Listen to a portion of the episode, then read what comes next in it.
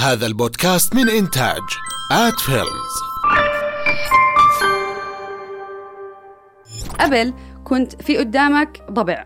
يا الضبع رح ياكلك يا رح تشرد. معك خمس دقائق أنت عندك خمس دقائق من ال stress. stress يعني خرافي بس هو خمس دقائق إذا أكلك خلاص فيش stress فيش تفاعلات.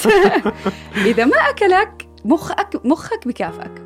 مم. بتروح بتنبسط وبتشعر بالراحة. إحنا ال stresses تبعون حياتنا هلأ بطلت زي حياة البراري. صار ال stress تبعك بده يصير كمان سنتين. مم. رح يصير كمان عشر سنين. ابني كيف بدي احطه بالجامعة؟ أجار بيت كيف بدي أدفعه السنة الجاي؟ فأنت stressed بحالة stress الكورتيزول عندك بوصل يعني لفوق وبنفس الوقت ما بتقدر تعمل إشي. مم. بدك تستنى. تحياتي. أنا طارق بدار وبرحب فيكم في بودكاست شاي من عمان. بإمكانكم تسمعونا على منصتنا الأساسية على ساوند كلاود كمان بإمكانكم تسمعونا على أي منصة من المنصات الخاصة في البودكاست مثل أبل، جوجل، سبوتيفاي، ستيتشر، تيون إن، كاست بوكس وغيرهم. كمان بإمكانكم تشوفونا على يوتيوب وعلى فيسبوك. معي اليوم ضيفتنا سلام قطناني. أهلا وسهلا سلام. أهلا طارق. إيه، سلام لأي مدى بتشوفي إنه شغلك في صناعة المحتوى أو صناعة الفيديو الخاص بالعلم بيأثر عن جد في الناس؟ خاصة إنه بتوقع في هذا ال... في هاي الفترة إحنا نتحرك قاعدين أو نتعرض لضخ أكبر من المعلومات. ما بعرف إذا هاي المعلومات عم نستغلها عشان نعمل منها عن جد معرفة أو عن جد علم أو حكمة ولا هي بس أخ... شغلات بنسمعها وخلص. هلأ شوف أنا بس بلشت كان الهدف الأساسي مش إنه أعلم الناس إيش تعلمت. هلأ آه، بس شوية خلفية عني أنا يعني مخلصة توجيهي وما قدرت أدخل جامعة okay. وأدرس الإشي اللي بحبه. بعديها درست درست إدارة مشاريع بس ضل عندي هذا الحب لل لل scientific method بشكل عام. ضليت أحس إنه إحنا بنفكر بطريقة كتير مغلوطة. صرت أطبق الأشياء على حالي. فلما بلشت ال videos ما كان الهدف إنه أنا أعلمك أنت إيش رح تستفيد لما تعرف إيش سرعة الضوء مثلا. مم. ما رح تطب- تطبق هذا الإشي بحياتك اليومية. هذا اللي الناس بتفكره. بس الهدف بيكون من ال videos إنه لما بنحلل الأمور لما بطرح موضوع معين بحاول أحلله من أكثر من طريقة بأسلوب آه، خالي من الانحيازات لأي أيديولوجي معينة أو أي منظومة فكرية معينة. وهاي الطريقة بالتفكير باتجاه الأشياء مثلا العلوم بتقدر تسقطها على حياتك الشخصية. وتصير أنت تفكر بطريقة ال scientific method. ال scientific method مش بس إشي أنت بتطبقه عشان الطيارة تطير. okay.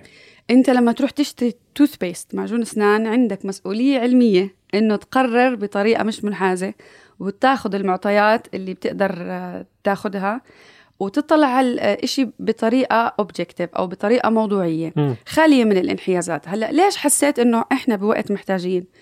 إحنا بالوطن العربي طريقة تربيتنا أو ثقافتنا مختلفة أو في زي ثغرة بيننا وبين ال- المجتمع العلمي نحكي أو طريقة التفكير بأوروبا نفرض.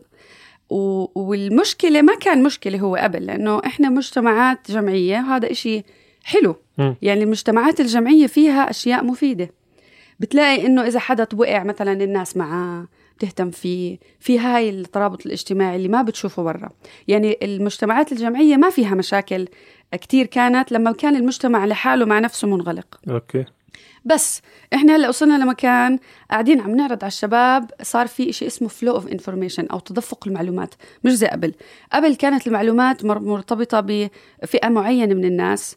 آه، قديش أنت عندك سلطة قديش في إيه أنت عندك آه، قديش أنت محظوظ أو آه، وضعك منيح ماديا وقتها بتقدر يكون عندك access لهاي المعلومات تقدر تحصل عليها. هلأ صارت المعلومات موجودة بكل مكان. okay. وهلأ صارت الثقافات مختلطة بكل مكان. صار أنت الناس اللي موجودين مثلا بالوطن العربي صار في عندهم آه، صاروا آه، يشوفوا إيش الناس اللي برا بتسوي. يشوفوا ثقافات العالم اللي برا. العولمة اللي صارت بسبب الإنترنت عملت ثورة كبيرة فصار في gap بين طريقة تفكيرنا إحنا بشكل خاص كأشخاص وبين ال- الاتجاه العالمي باتجاه الثقافة الوحدة. فكتير بشوف الشباب ضايعين. وأنا واحدة منهم طبعا. بشوفهم ضايعين بإنه طب أنا في عندي إشي. وإحنا ما تنسى إنه ثقافتنا آه، كتير بتعزز إيماننا بال ideologies بشكل كبير. ايديولوجي إنه أنا أبوي لازم أخاف منه الشخص الكبير ما لازم أعلي صوتي عليه ما لازم أشكك بالسلطة سمعنا إشي على التلفزيون معناته هذا صح آه، كتب التاريخ مزبوطة آه، كل إشي بنسمعه حوالينا ما ما بنزرع فينا هاي حس الشك. بأي إشي الشك بالسلطة الشك بأنه أنا بقدر آه، أوقف قدام أبوي وأحكي له لا أنت غلطت بهيك هيك هيك أنت تعاملت معي بطريقة غلط إحنا ما عنا هاي النزعة فهذا جزء من شخصيتنا بصير جزء من هويتنا. بصير عندنا هاي التراكمات اللي بصير عندنا كتير تناقضات بكيف بنفكر وبانحيازاتنا بطريقة حكمنا على الأمور. وبنفس الوقت عم نشوف الدنيا عم تتغير كتير. عم نشوف الدنيا بسرعة عم العجلة تبعت التطور عم تيجي بسرعة كتير. بغض النظر عن إيش الأشياء السلبية بال social media أو بال إنك تضل قاعد على تليفونك بس آه، ما في مجال إنه نضل متمسكين بالثقافة تبعتنا المنغلقة وإحنا عم نستخدم ال technology اللي عم تجينا من برا وعم نستخدم عم نشوف قديش المسار العلمي أو المسار الحضارة الإنسانية بشكل عام عم بتغير هاي الفترة ف it's too late صار الوقت آه، بطل في مجال إنه أنت تقعد بقريه لو إنه ناس مثلا قاعدين هدول تبعون قبائل إفريقيا مثلا بتضل إن بتضل تعتبر إنه okay هدول بيقدروا يكونوا معزولين بيقدروا يكون عندهم أفكارهم الخاصة بدون ما يحسوا بصراع لأنهم مش متعرضين لل options اللي موجودة برا. okay. ما عندهم معرفة بالخيارات اللي موجودة كتير بطريقة التفكير ولا عندهم معرفة بالأشياء اللي عم تصير بأماكن تانية. التطورات العلمية اللي عم تغير كتير طريقة نظرتنا للحياة ولأنفسنا.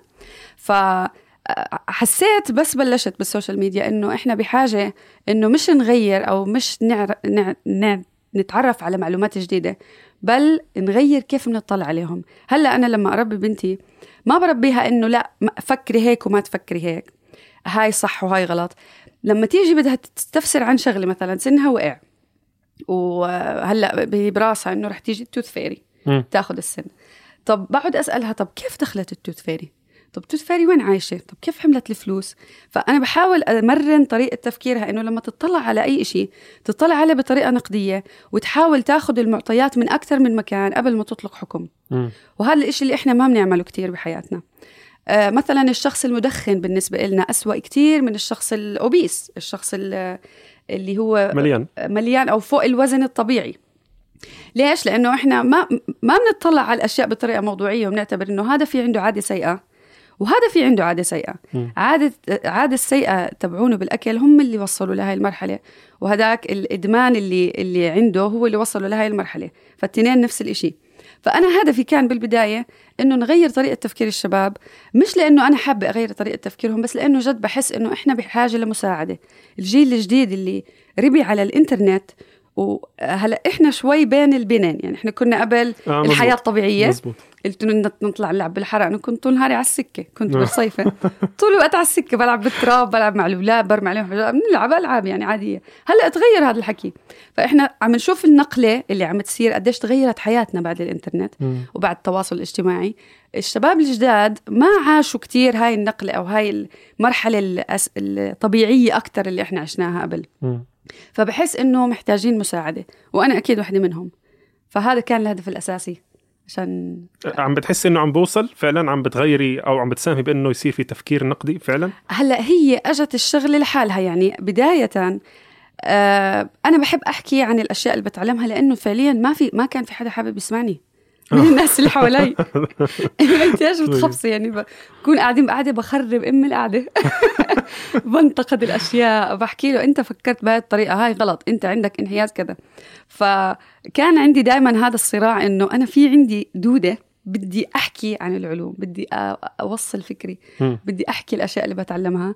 وما كانش في حدا يسمعني. مم. أو كنت أحس إني بديش اتقل على أصحابي كمان زيادة. okay. يعني هم متعودين علي. بس حسيت إنه ليش لا؟ ال social media هلأ بتعطيك فرصة إنه تعمل أي شيء آه. عليها. وإذا في ناس كافي أنا بداية أبدا ما توقعت أنه الناس تندمج مع الإشي اللي بحكيه.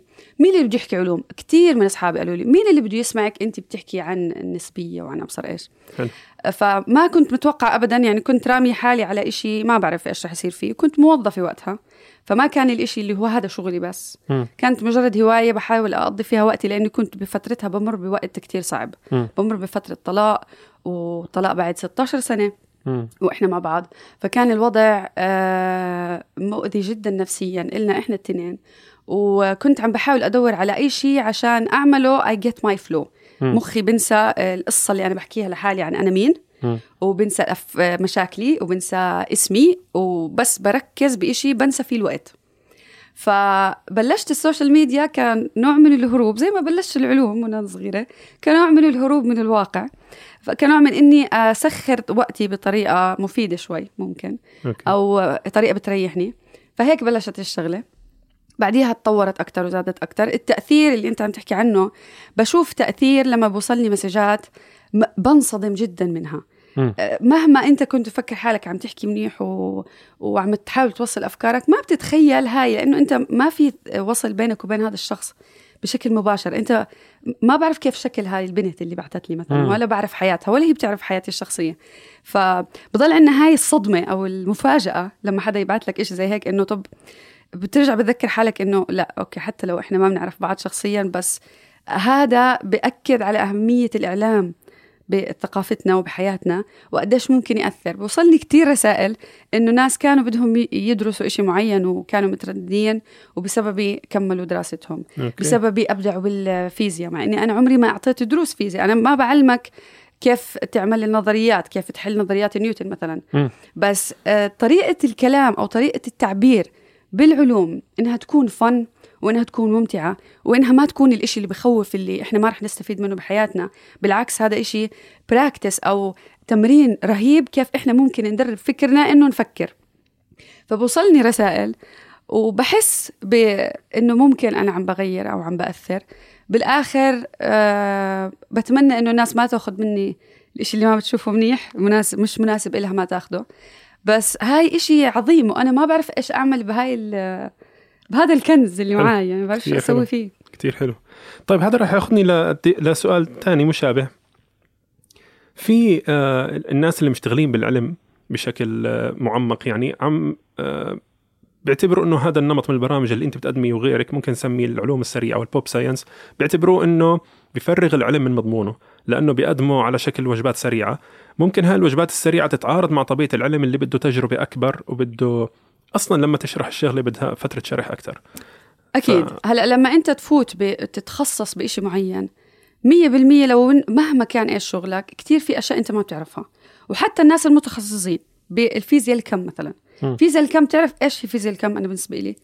اللي هو إحنا عاملين علم عشان نكتشف إيش ما بنعرف بس طيب. يعني لحد الآن ما بنعرفش ولا إشي تمام ومن وقت ما بلشت تقول من 1900 كانت الثورة تبعت فيزياء الكم لهلأ إحنا عم نعدد الأشياء كل يوم نكتشف شيء ما بنعرفه. نعدد الأشياء اللي ما بنعرفها فالعلم مجال تقيل كتير ومجال معقد كتير مع إنه بسيط مبادئه كتير بسيطة مم. بس لما أنت تيجي تعكس هذا الحكي على حياتك الشخصية بحس إنه إحنا بشكل عام عندنا جهل بكيف بتشتغل الأشياء وعندنا جهل بطريقة تفكير المجتمع العلمي اللي وصلنا لهذا التطور اللي أنت بتروح على الدكتور بتاخذ إبرة ما بتحس بإشي مم. أنت بدك تبعت إشي هلأ بدك حدا يشوفه بالسويد تبعت إشي هلأ بشوفه. فهاي التكنولوجيا كلها إحنا عم نستخدمها وعم عم تشكل حياتنا اليومية وبنفس الوقت ما عندنا معرفة بمبادئها بأسسها. مم. فالمجتمع ال- فالعلم آه، مش مش الهدف يكون الت- التقليل منه أو اعتباره إنه شيء كتير سخيف وتافه وإنه بتقدر أشرح لك إياه بخمس دقائق الهدف إنه آه، تطلع على طريقة تفكير جديدة وعلى ال scientific method أو المنهج العلمي بالتفكير وتفهم كيف هاي الأشياء كلها عم تصير كيف إحنا عم نوصل لهاي المرحلة بحياتنا من الح... بحضارتنا من التطور. فأنا ما بحس ابدا ال pop science ممكن يعني يأذيه حسب أنت مع مين عم تحكي. يعني إحنا عم إذا أنت عم توجه كلامك ل آه، شعب أو شعوب مش كتير in touch أو مش كتير آه، عم تلمس المنهج العلمي بحياتها اليومية أو بطريقة تفكيرها أو بطريقة تعاملها مع العالم. بحس إنه هذا إشي مفيد إنه على الأقل يتعرفوا الناس على هذا المنهج. ممكن أو حدا من الأشخاص اللي تابعوني يعجبوا هذا الإشي ويقرأ فيه أكتر وهذا الإشي يمرنه أو يساعده على كيف هو يطلع على حياته الشخصية ويطلق أحكام أو ياخذ قرارات بحياته. بس مش ممكن بالمقابل ياخذ أو يبني تصورات غلط من كلامك لأنه مختصر آه، هلأ يبني تصورات غلط إحنا عم نبني تصورات غلط عن كل إشي أي إشي أنت بتحكي عنه مثلا أنا آجي أحكي لك أنت شخص مثلا جذاب شكلك ممكن بالنسبة إلي ممكن بالنسبة لحدا تاني لا.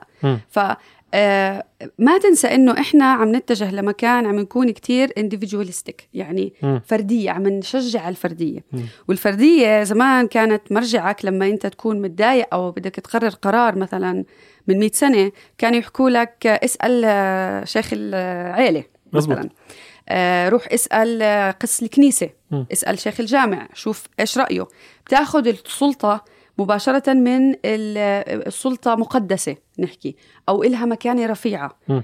سواء أبوك أو أو من الأديان مم. فهاي الطريقة بالتفكير تغيرت هلأ لما أنت هلأ تكون متضايق أنا إيش إيش بيحكوا لك الناس أنت إيش حاسس أنت بدك تقرر قرار مفصلي بحياتك.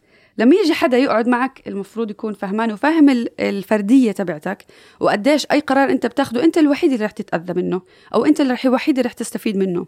هلأ صارت تبعاتنا بترجع علينا إحنا. مم. صار القرار أصعب. فأنا بحكي لك أنت شو رأيك؟ أنت لمو لشو بتميل أكتر لهذا الخيار ولا لهذا الخيار؟ فصارت مرجعي مرجعيتنا عم تتحول لإنها فردية لأنه أنا شو حاسس about it. شو شعوري تجاهه؟ شو بفضل؟ بغض النظر عن الشيخ شو حكالي بغض النظر عن أبوي شو بده بغض النظر عن المجتمع شو بده. فعم نتجه لهذا الإشي. فكل واحد صار في عنده فكرته الخاصة عن شو هي الدنيا. وقصته الخاصة عن شو هي الدنيا. لا تنسى أنه كل ما صار في معرفة أكتر بش- بصير إشي بوعينا. بصير ب level أعلى شوي أو بمستوى مفتوح أكتر أو في مساحة أوسع. من قبل. فهاي المساحة بحس إنه من حق كل شخص إنه يطلع على المنهج العلمي. وبالآخر أنا مش شغلتي أجي أفهم الناس إنه الموضوع مش بهالبساطة. أنا بحاول طبعا أحكي ب- بفيديوهاتي إنه في كتير أشياء معقدة قبل. بس عشان توصل الفكرة ما بتقدر تفوت بالتفاصيل. ما. بقدر أنا أجي أشرح لك بالتفصيل بالتفصيل الممل آه، كيف الطيارة رح تطير.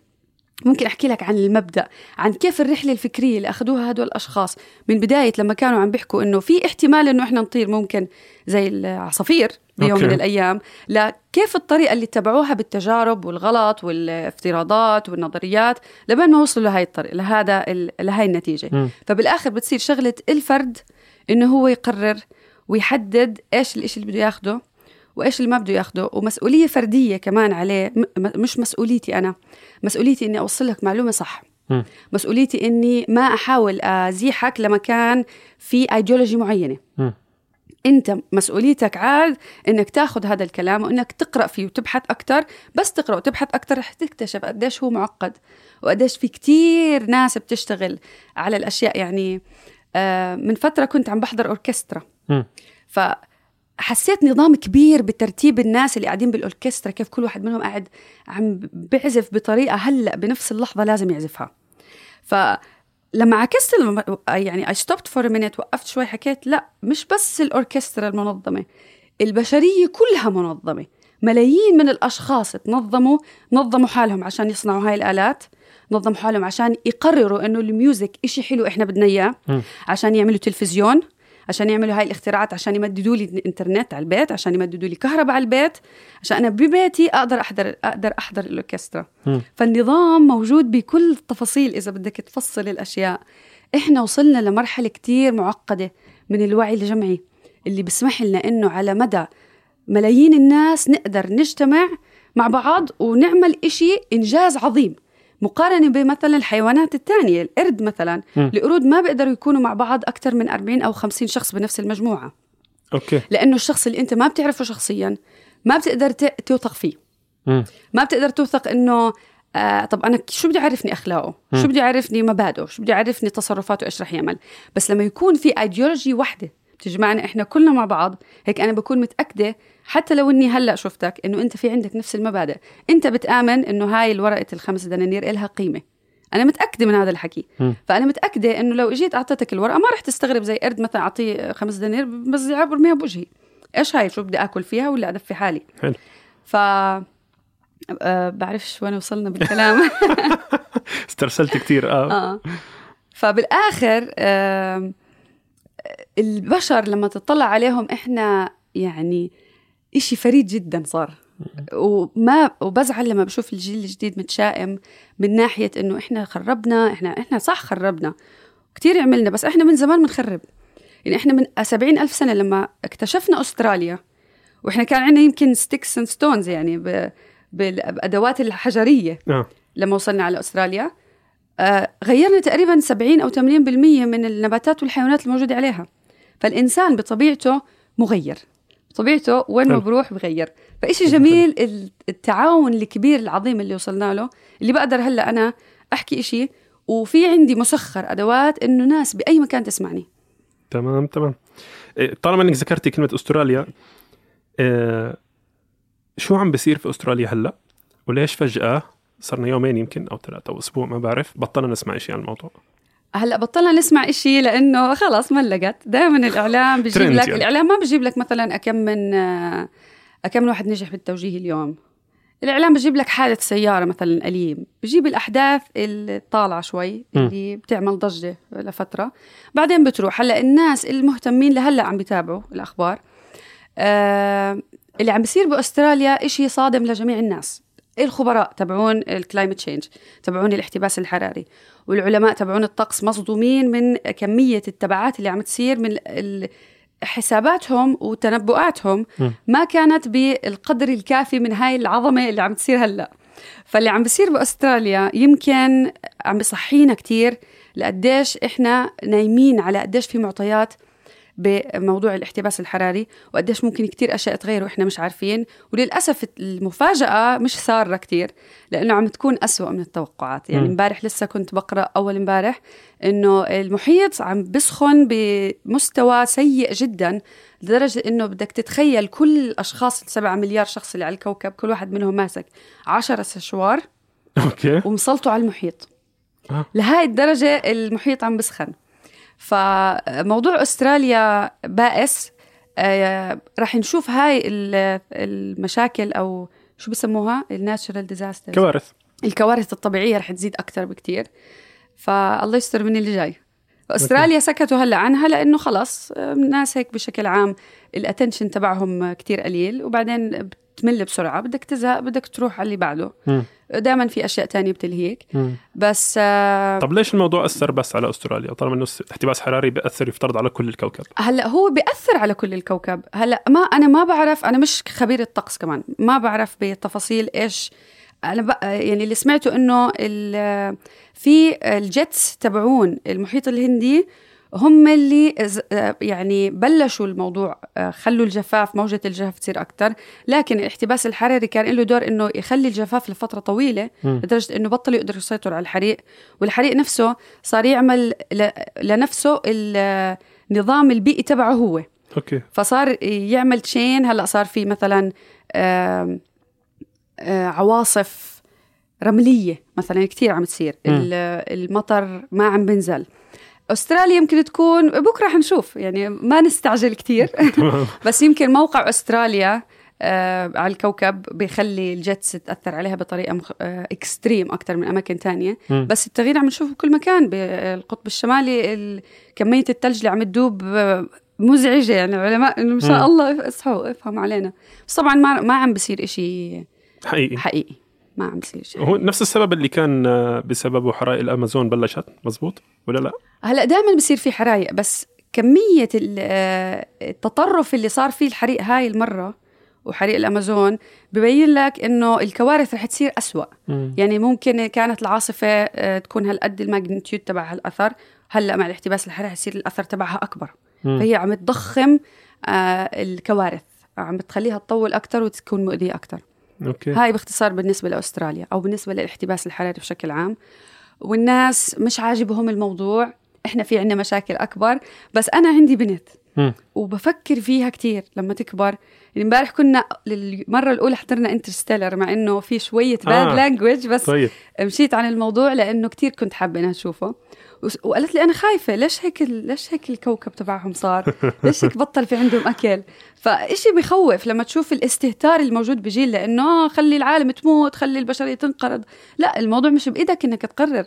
مش انت لأنه اللي رح تتعب. بعدين رح يكون موت بطيء جدا. يعني مش آه، رح آه. يجي إشي أوه خلاص إحنا ارتحنا ونصاب بنشوة ونطلع كلنا روحنا هيك تكيف. مش هيك الموضوع رح يكون في عذاب كتير للعالم وفقر وتعب وأذى. فعشان هيك هاي واحدة من الأشياء اللي كتير بحب أنبه عنها. ب... يعني بحب دائما أحكي عنها. أنا كل ما أشوف منظر الحرايق هاي دائما بضل أتذكر المشهد اللي في فيلم انترستيلر لما كان آه، بيحرق المزارع اللي هناك. آه، طب على السيرة آه، شو رأيك بالفيلم؟ ولأي مدى كان قارب ال- النظريات العلمية اللي أنت بتعرفيها خاصة لما خاصة في جزءه الأخير؟ هلأ الفيلم من ناحية إنتاج هوليوود إنتاج آه، رهيب عظيم. visuals حلوة تمثيل حلو طريقة كيف رتبوا الأحداث حلوة. آه، الحلو ب Interstellar إنه كتير قريب للنظريات العلمية. هلأ في شوية Hollywoodization يعني انهم يعملوا شوية هوليوود أشياء doesn't make sense. يعني هو كان آه، آه، شخص engineer وكان يحاول يعلم بنته وكان كتير pro science وما كانش عارف النسبية يعني آه. كان قاعد يشرح له شو يعني ثقب دودي آه مثلا آه كان في مبالغة ب آه لما راحوا على الكوكب اللي جنب الثقب الأسود مم. أول إشي آه غباء إنهم يروحوا لأنه لما وصلوا أصلا حكوا إنه طلع أقرب مما بنفكر فلازم كان تمام. شوية تحليل بسيط يعرفوا إنه هذا المكان خطير تمام وطاروا مثلا من الكوكب بسهولة جدا مع إنه جاذبيته المفروض تكون كتير قوية مم. الفرق الوقت اللي حكوا هون كل ساعة بتستعمل سبع سنين هذا كمان مبالغة كبيرة. مش هيك ال math الحقيقي يعني بس بشكل عام حلو لأنه آه، تصوير الثقب الأسود مثلا كيف شكله اشتغلوا عليه مع physicist ومع ناس بيشتغلوا على simulations أو مع محاكاة عشان يطلعوا كيف شكل الثقب الأسود بيكون بالطبيعة. وكان أقرب إشي إذا بتتذكر السنة الماضية طلع أول صورة لثقب أسود مزبوط كان أقرب إشي للشكل تبع Interstellar أتوقع بس تطلع صور high resolution أكثر أو محاكاة أفضل للثقب الأسود رح يبين قديش هو بيشبه الشيء يعني ما كان عشوائي هو لا. ما كان عشوائي ابدا كان متعوب عليه منيح. فمن ناحية science آه حلو هيك ممتع إنه أنت تشوف إشي عن جد scientifically accurate طيب أنت قلت لي في في موضوع مبالغة شوي في موضوع الوقت والساعات وإنه يعني ال- ال- العلم إيش بيحكي؟ يعني هل المنظر اللي راح شاف فيه بنته طلعت أكبر منه؟ لا هلأ الفرق أنت بدك تحسب أول إشي قديش السرعة اللي أنت ماشي فيها أو قديش جاذبية الكوكب اللي أنت عليه وقديش قعدت فيه بس أنا عم بحكي إنه في مبالغة من ناحية إنه مش كل ساعة سبع سنين هي أقل من آه، هيك آه، آه. يعني في فرق شوي بالحسابات مم. بس من ناحية أف... آه، أفلام بحس إنه إحنا كمان إحنا كتير بنحب ال fantasy وبنحب ال- الخيال وبنحب الخيال العلمي بس الناس اللي زيي بضل عنده إنه لا لا تحكي هيك لا تحكي هاي الكلمة لا خربتها. لوسي فيلم لوسي أول أول ما حضرته أول كلمة فصلتني. آه. إحنا بنستخدم 10% من دماغنا. أنا إنه لا ليش تحكيش هيك؟ يعني مش ناقصنا misconceptions الناس أصلا في عندهم مغالطة بهذا الموضوع. فبحب أتابع بس مش كتير أنا شخص فني أبدا يعني مش كتير بحضر أفلام أو بعرف الإنتاجات ال- الفنية عرفت؟ okay. بس فيلم ممتع جدا. المفروض أعمل review عنه على فكرة. أو يمكن أشرح أكتر. لأنه في أكتر من حدا بعت لي إنه آه، اشرحي لنا شو آه آه, آه شو طبعا. القصة. جميل. في مرة واحد كنت عاملة فيديو Q and A وفي واحد سألك آه، الأرض مسطحة ولا لا؟ قلت لي روح حل عنا يا زلمة. هلا شوف أنا مش تقليلا من قيمة حدا. طيب. بس آه، شوف أنا بالنسبة إلي نظريات المؤامرة هي نظريات حركات سياسية. بين الأمريكان بتطاوشوا في بعض. okay. هذا السياسي مش عاجبه هذا السياسي زي قصة الاحتباس الحراري. ليش حكوا إنها hoax وإنها كذبه وخدعه لأنه I think بالسبعينات أو بالثمانينات لما بلشوا يكتشفوا أثر الاحتباس الحراري. صارت شركات البترول بدها تشوش فصارت تطلع دراسات مشكوك فيها أو دراسات كذب تمام. إنه لا الاحتباس ما بيأثر. مثلا. آه. ال vaccines أو التطعيم نفس الإشي. كل المؤامرات هاي اللي بنجيها بيجيبها من أمريكا. إحنا بنستوردها زي ما هي بدون ما نعرف إنه أصلها سياسي. يعني نظرية الأرض المسطحة مش مبنية على أساس علمي. نظرية أو مش هي اسمها ظالمها شوي كمان. okay. هي آه، حركة سياسية. قاعدين بتطاوشوا فيها مع بعض. إحنا بنيجي بناخذها وبناخذ أفكارهم بدون ما نفهم شو طب إيش ال background شو الخلفية؟ كيف إيش تاريخ الموضوع؟ كيف بلش؟ شو أهدافه؟ إيش ال- motives أو إيش المحرك اللي اللي بخلي الناس تعمل طب هيك هاتي احكي لي. تعرف- هلا هلا أنا مش كتير آه، بخصوص ال- الأرض المسطحة مش كتير بطل عليها لأنه صراحة مش إشي علمي. يعني كمان طب برجع هو نرجع يعني لنفس الموضوع. أنا كيف بدي أعرف إنه عن جد مش إشي علمي؟ كيف تعرف إنه مش إشي علمي؟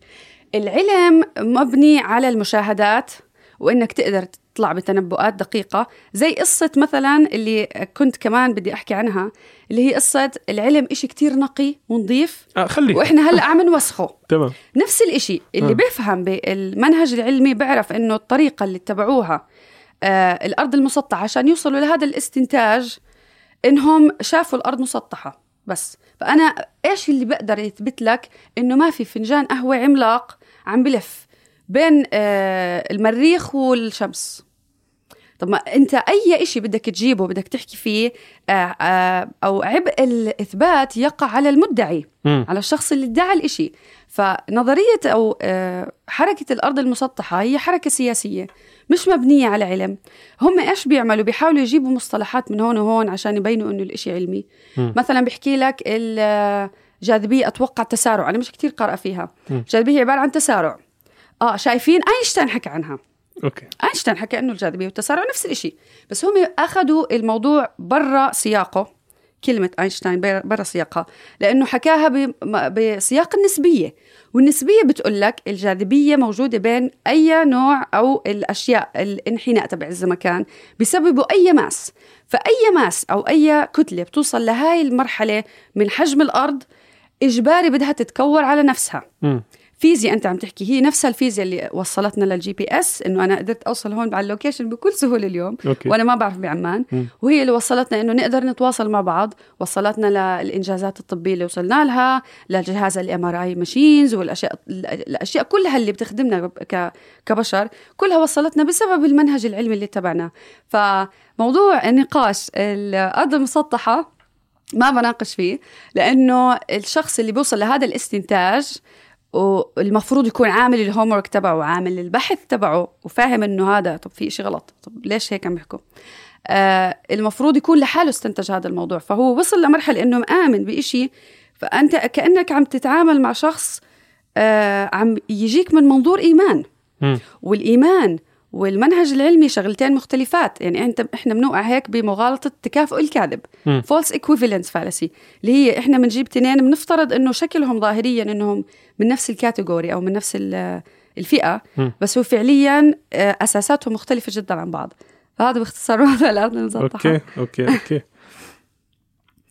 أما بالنسبة لموضوع المجتمع العلمي آه. الموضوع إنه العلم نقي. يعني أنت كنت بدك تسألني شغلة. كنت بدي أسأل كنت بدي استرسل في الأرض المسطحة بس okay ماشي.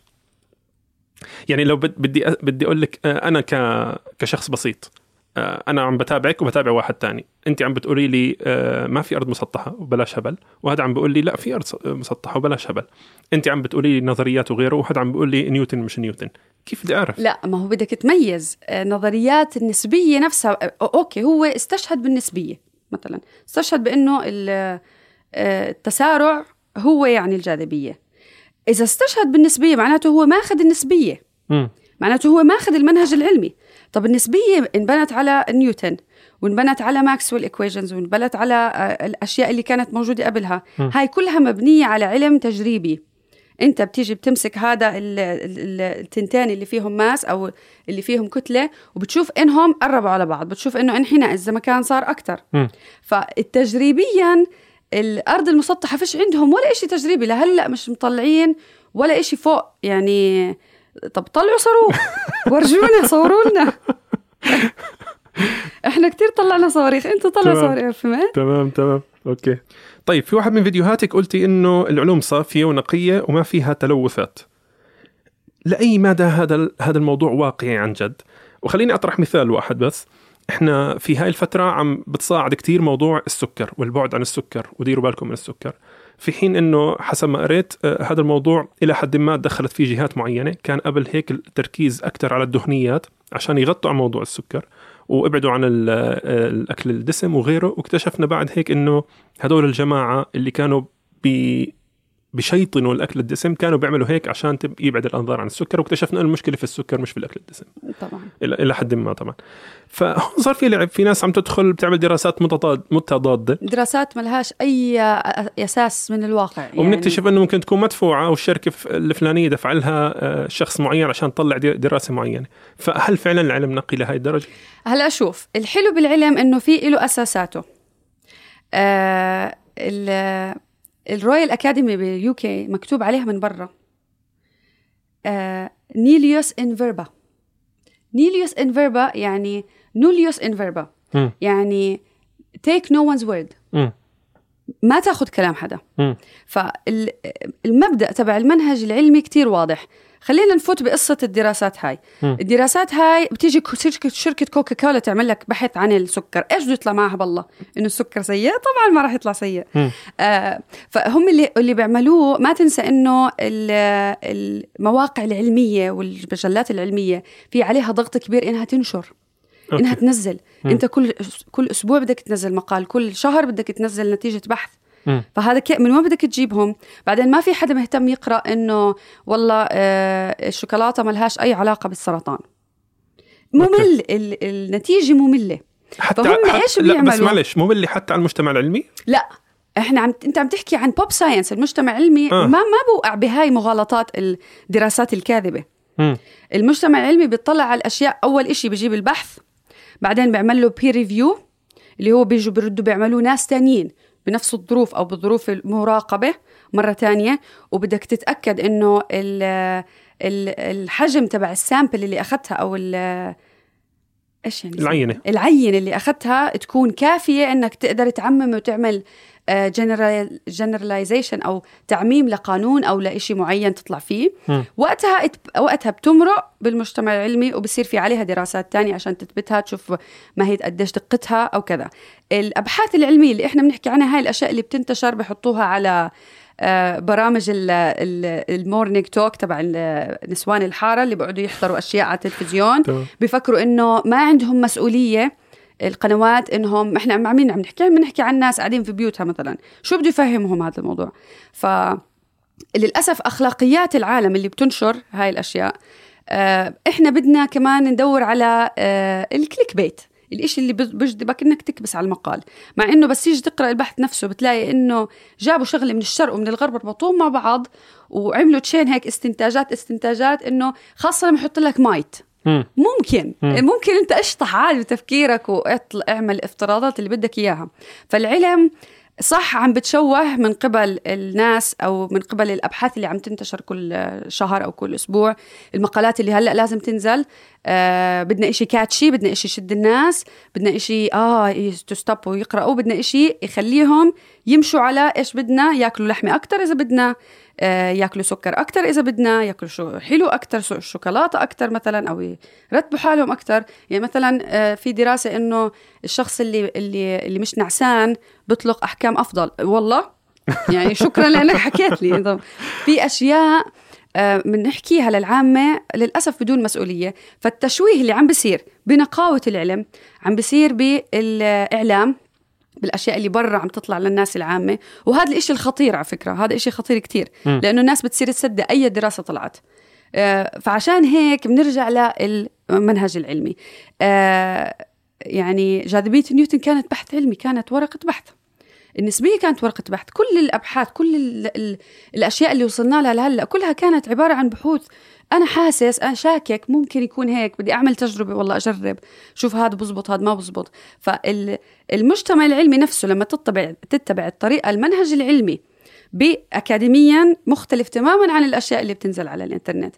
فصح العلم آه عم بتعرض لاختطاف شوي من قبل الناس اللي بدهم ينشروا هلا ويجيبوا likeات ويجيبوا shares بس آه مبادئ العلم نفسها مبنية على وضوح تام جدا إنك أنت ما لازم تاخذ يعني العلماء كتير بيحكوا أعوذ بالله من نفسي.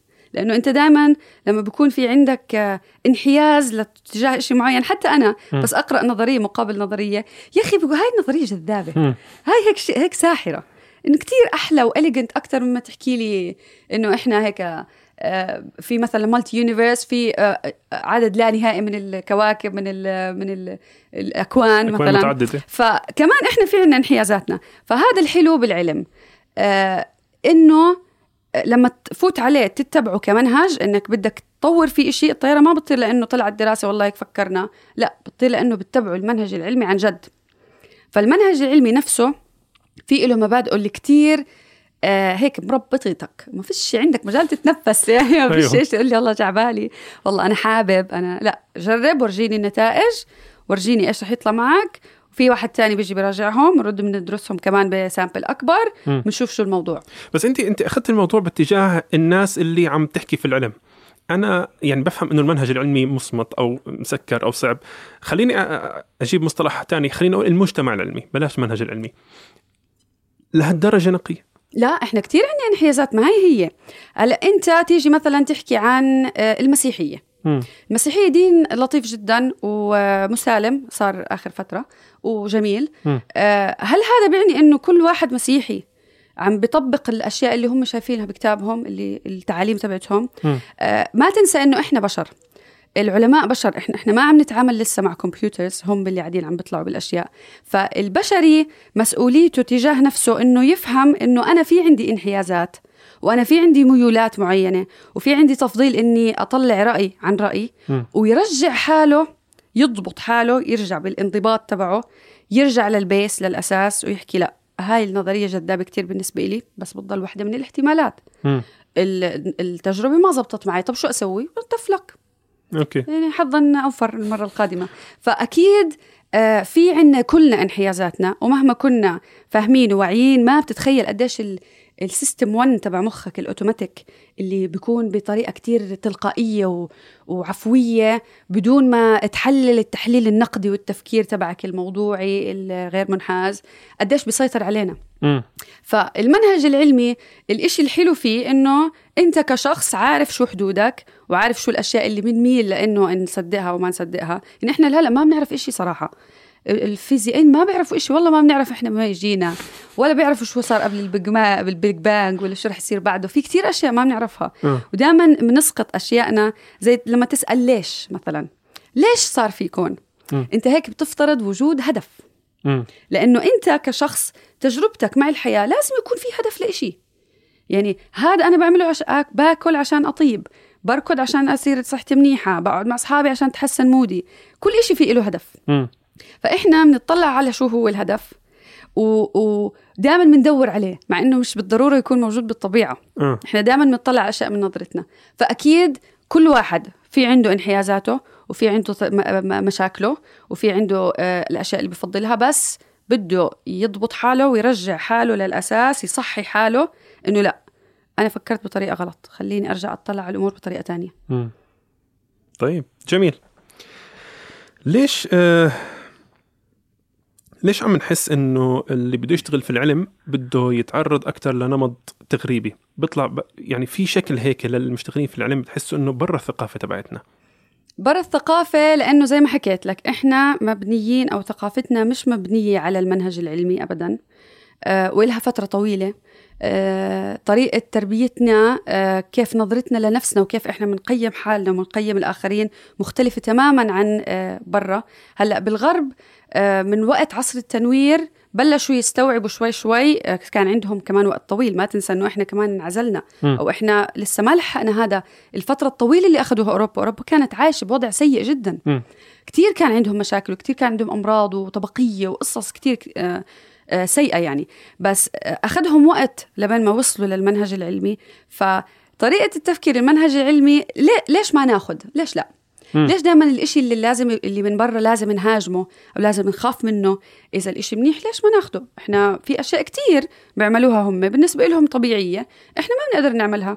مم. مش لأنه إحنا ما بدنا لأنه مش إشي مناسب لا أنا شو- شو يعني أنا بضل مثلا مهما إذا بدي أحط حالي بقالب ممكن أحط حالي بقالب ايديولوجي معينة بس بشكل عام أعتبر شوي آه، آه، تقليدية بتفكيري. آه. أوكي. آه بحب بحب العادات والتقاليد تبعتنا بحب كيف بنرقص كيف نعمل أعراسنا كيف فيها أشياء حلوة. مم. فعادي ناخذ الإشي المنيح منهم لأنه إحنا بالنهاية عم نستخدم هاي المايكات مش بالأردن معمولة. أوكي. مايكات معمولة برا. وهم نفسهم الناس اللي قدروا يوص- يوصلوا لهاي الصناعات هم نفسهم اللي وصلوا واتبعوا المنهج العلمي. فإذا في إشي مفيد إذا في إشي منيح إلنا بنقدر ناخده خاصة إنه إحنا هلأ عايشين بثقافتهم. مم. إحنا عم نتجه تجاه ثقافة آه، ما تنسى إنه إحنا 80% من وقتنا على النت ال- المعلومات اللي بناخذها من الإنترنت. فليش ما ناخذ الإشي المنيح؟ المنهج العلمي إشي منيح مش إحنا عم نقارن حالنا فيهم إحنا عم ناخذ تجارب هيك العلم بالآخر. أنت عم تاخذ تجارب تطورت الحضارة البشرية من تجارب هذا مع هذا مع هذا ابن الهيثم حط آه، آه، قواعد مثلا كيف تجرب بال science كيف تعمل كيف تعمل science. آه، آه. آه، جاليليو حط لك المنهج العلمي. في كتير أشياء ربطت مع بعض وهي مش موجودين بنفس المكان الجغرافي. فإشي آه، سيء جدا إنه نحكي لا ما بدنا ناخذ هذا الإشي أو شكله تغريبي. هو هو مش هيك. خليني آه، يعني أحاول أوضح أكثر لو طلعنا على مجتمعاتهم ال- اللي هي قائمة على العلم أكثر إحنا عم نلاحظ أكثر إنه في توجه أو نزعة باتجاه خليني أسميها العلمائية. علمائية يعني مجتمعات علمية كتير بمقابل تخفيف شديد للروحانيات. هذا بيعزز شوية أنماط من ضمنها اللي أنت قلتيها شوي الفردية أو الفردانية. عم. بصير الواحد بيركز على حاله أكثر وفي في هذا اللي هذا اللي بقصده في ال- ال- التغريب أو النمط التغريبي. هلأ شوف إحنا آه، هذا إشي رح يصير رح يصير. أوكي. مش لأنه إحنا عم نقلد الغرب. آه، بأمريكا وبأوروبا كمان ال- الشباب الجيل الشباب عم بتعرض لنفس الضغوطات على فكرة عم بتعرضوا لها العرب. مم. ك... كنوع من المقارنات. انت كتير عندك مقارنات. انت عندك هلا صار entrepreneurs صار عندك ناس آه، بكل الأشكال بيقدروا يعملوا businesses وبيقدروا يطلعوا فلوس وبيقدروا يبنوا حالهم ويكونوا successful. يصير عندهم هاي المكانة الاجتماعية. فهذا الإشي عم بتعرض له جيل الشباب مش بس عنا. هذا الصراع تبع الفردانية. أنا ما بحكي إنه الفردانية إشي منيح. آه. الفردانية عملت لنا كثير مشاكل. أها آه لأن الفردانية صار في عندك أنت مسؤولية عالية عن أي شيء بتاخده أي قرار بتاخده. قبل آه والله أبوي جوزني خلاص أبوي جوزني اختار لي غلط شو أسوي عاد؟ خليني أطلع وأسهر وأقعد مع أصحابي مثلا. ما بياخذ هو المسؤولية له. آه. مش هو بتحمل آه، نتيجة القرار. مم. هلأ صرنا إحنا نتحمل مسؤولية القرار. فأنت بدك تقرر أنت بدك تفكر منيح منيح كيف. بدك تقرر. لأنه أي قرار أنت الوحيد اللي تلام. مم. انت الوحيد المسؤول عنه. أكيد. فصار في كتير عليها تبعات. الموضوع عمل آه، مشاكل نفسية أكتر عنا. أنا بحس من أكبر المشاكل اللي صارت لنا مش المشاكل الأشياء اللي إحنا مش مش متعودين عليها بالطبيعة هو الوعي. ما بتتخيل قديش الوعي و... وما تفكر إنه وعيك زي وعي مثلا آه، واحد من قبائل إفريقيا. في. فرق كبير بينهم. مم. يعني في تجربة انعملت على قصة الفردانية بين أطفال آه، أفارقة. الطفل الإفريقي بأربع سنين أقل وعيه بنفسه بذاته ما عنده وعي بالذات زي الطفل الأوروبي بنفس مم. العمر. لأنه الطفل الأوروبي بتربى على مصطلحات بتربى على طريقة تفكير إنه أنت شو جا على بالك تطلع معنا ولا مش على بالك إحنا خاو بدك تيجي معنا مم. مثلا ف اللغة والبيئة اللي حواليك كتير بتأثر على وعيك وهاي مشا... هاي مشكلة الناس اللي كتير بتطلعوا بالعلوم مم. أو كتير اللي بتطلعوا على الأشياء من برا إنه أنت بتفقد your ideology بتفقد انتمائك لل- للأشياء يعني أنا بعرف مثلا إنه لازم أكون متفائلة وأصحى الصبح وأبتسم ولازم أنزل على النت أنا شو عملت وأنا كنت أشتغل هون وكنت أشتغل هون شوفوني I'm promoting myself قاعد. بروج لنفسي. بعرف إنه هذا انحياز هذا اسمه optimism bias إنه أنت عم تنحاز باتجاه التفاؤل الزايد. مم. أوكي؟ فما بقدر أعمله. بتصير دائما تطلع على الأشياء من برا بطريقة بتجردك منها أو بصير كله نفس المعنى. بصير مم. كله زي بعضه. ما فيش هذا أحسن من هذا. فبتصير أشياء قليلة بحياتك اللي عن جد بتفضلها. ابنك مثلا حبك لابنك. الأشياء الثانية بالنسبة لك بصير الايديولوجي زي بعض. فالفردية بتعمل مشاكل. وإحنا عم نشوف كتير مشاكل بصراعات الذات اللي عم تصير بيننا وبين نفسنا بسبب الفردية بسبب ال- القيم اللي عم تعلمنا إياها الفردية. وقديش إحنا في علينا صار مسؤولية كبيرة من وقت كتير صغير إنه إحنا المسؤولين وإحنا هذا بزيد وعيك ووعيك بيعمل لك مشاكل كتير. وعيك بخليك كتير واعي أوقات بأوقات لازم ما تكون واعي فيها أوقات لازم تمشي. أوكي. يعني لما تيجي تنط مثلا من الطيارة أو في بلحق يا سيدي تخيل بلحق بلحق وراك أسد وأنت بدها هلأ لازم تنط. هلأ فيش أوكي. مجال. أوكي. إذا فكرت فيها وانجيجد وعيك شبكت وعيك مع الموضوع وصرت تفكر بطريقة منطقية لا طب يمكن أموت يمكن أتكسر أكثر وأنشل طول عمري مثلا. مم. فأوقات ما لازم نفكر كتير. مم. وهاي المشكلة اللي بوقع فيها الناس اللي بيتبعوا الساينتفك ميثود إنهم بيفكروا كتير بكل إشي وبصير كل إشي زي بعضه. تمام. بطل يفرق الأشياء كتير عن بعض. تمام تمام. طيب تابع لل... للي إحنا عم نحكي فيه. هل بالضرورة الناس اللي بتشتغل في العلم أو المجتمعات اللي بيسيطر عليها العلم لازم تخف الروحانيات عندها أو بطريقة ثانية هل العلم يؤدي للإلحاد بالضرورة؟ لا هلا شوف آه، في عندي في قناة على يوتيوب بتنزل لي فيديوهات كل يوم. سلام قطناني ملحده اقسم بالله مش مش مشتغلين فيي. بتعرف ليش؟ آه. لأنه آه، هذا الموضوع أنا شكرا إنك سألته. لأنه الناس مش متعودين بثقافتنا إنه يطلع واحد يحكي عن الأمور بتجريد بدون ما يدخل ايديولوجي معتقداته الخاصة. بالآخر أنا يمكن أحكي معتقداتي مثلا خلفيتي الإسلامية. ويجي واحد آه، مسيحي. طب أنا هيك أعطيته معلومات متضاربة عن الأشياء اللي هو. بصدق بفكر فيها مثلا. وبنفس الوقت ما ننسى إنه الأيديولوجيز أو الأديان بشكل عام هي أشياء روحانية بينك وبين أنت كيف كيف بتخفف عن نفسك لما بتكون متوتر. أنت كيف بتروق كيف بتحسس حالك بالأمان كيف بتحسس حالك إنه في أمل إنه everything's gonna be okay هاي الأشياء كلها أش... آه الإيمان إشي كتير خاص وشخصي. وكتير بتختلف درجته وتفاصيله بين كل شخص وشخص فلاني ما بحكي لأني ما بستشهد من ايديولوجيز مختلفة إيمانية بيفترضوا إنه أنا ملحدة. بيفترضوا إنه هاي بتحكيش ما, ما حكت سبحان الله معناته هي مش مآمنة إنه الله له دخل بالموضوع. مع إنه إحنا عم نحكي عن النسبية مثلا ما في أي داعي أجي أحكي عن كتب آه، دينية أو كتب روحانية بغض النظر إيش آه، إيش بتعلم أو إيش فيها أشياء ممكن تمشي مع هذا الحكي. مثلا الإعجاز العلمي بالنسبة إلي هي محاولة بائسة ما في داعي ما في داعي تحاولوا بدكم خاوة تمسكوا الموضوع إنه هذا إشي علمي. ال- الكتب الدينية كتب روحانية. مم. كتب موجهة إلك أنت كشخص عشان أنت تعرف تتعامل مع حالك أكتر. وما تنسى إنه الإيمان كتير إشي مهم. الإيمان بخفف عن الواحد. لما لما تجيب تجيب شخص عنده إيمان وشخص ما عنده إيمان تعرضهم لمشكلة اللي عنده إيمان رح يت- يتعامل معها أفضل. مم. رح تكوب أو يت يطلع منها بطريقة صحية أكتر. مع إنها ممكن تكون انحياز إنه أنا مؤمن إنه أنا شخص مميز إنه أنا في إلي هدف معين أو في إلي شيء معين. بغض النظر عن هاي الانحيازات بس لما نيجي نحكي علوم ما في داعي نحس بالإهانة لأنه إحنا ما عم نجيب سيرة ايديولوجي بالعكس هذا بدل بدلك إنه ال- العلوم بشكل خاص بد- بدلك لما آه، تشوف حدا عم بيحكي بهاي الطريقة معناته هذا مش متبع المنهج العلمي. معناته ما تأخذ كلامه. كتاب الرياضيات أنت بتعمل رياضيات بدون ما تدعي. أوكي. أنت بتمسك رياضات وبتحل. فالعلوم نفس الإشي.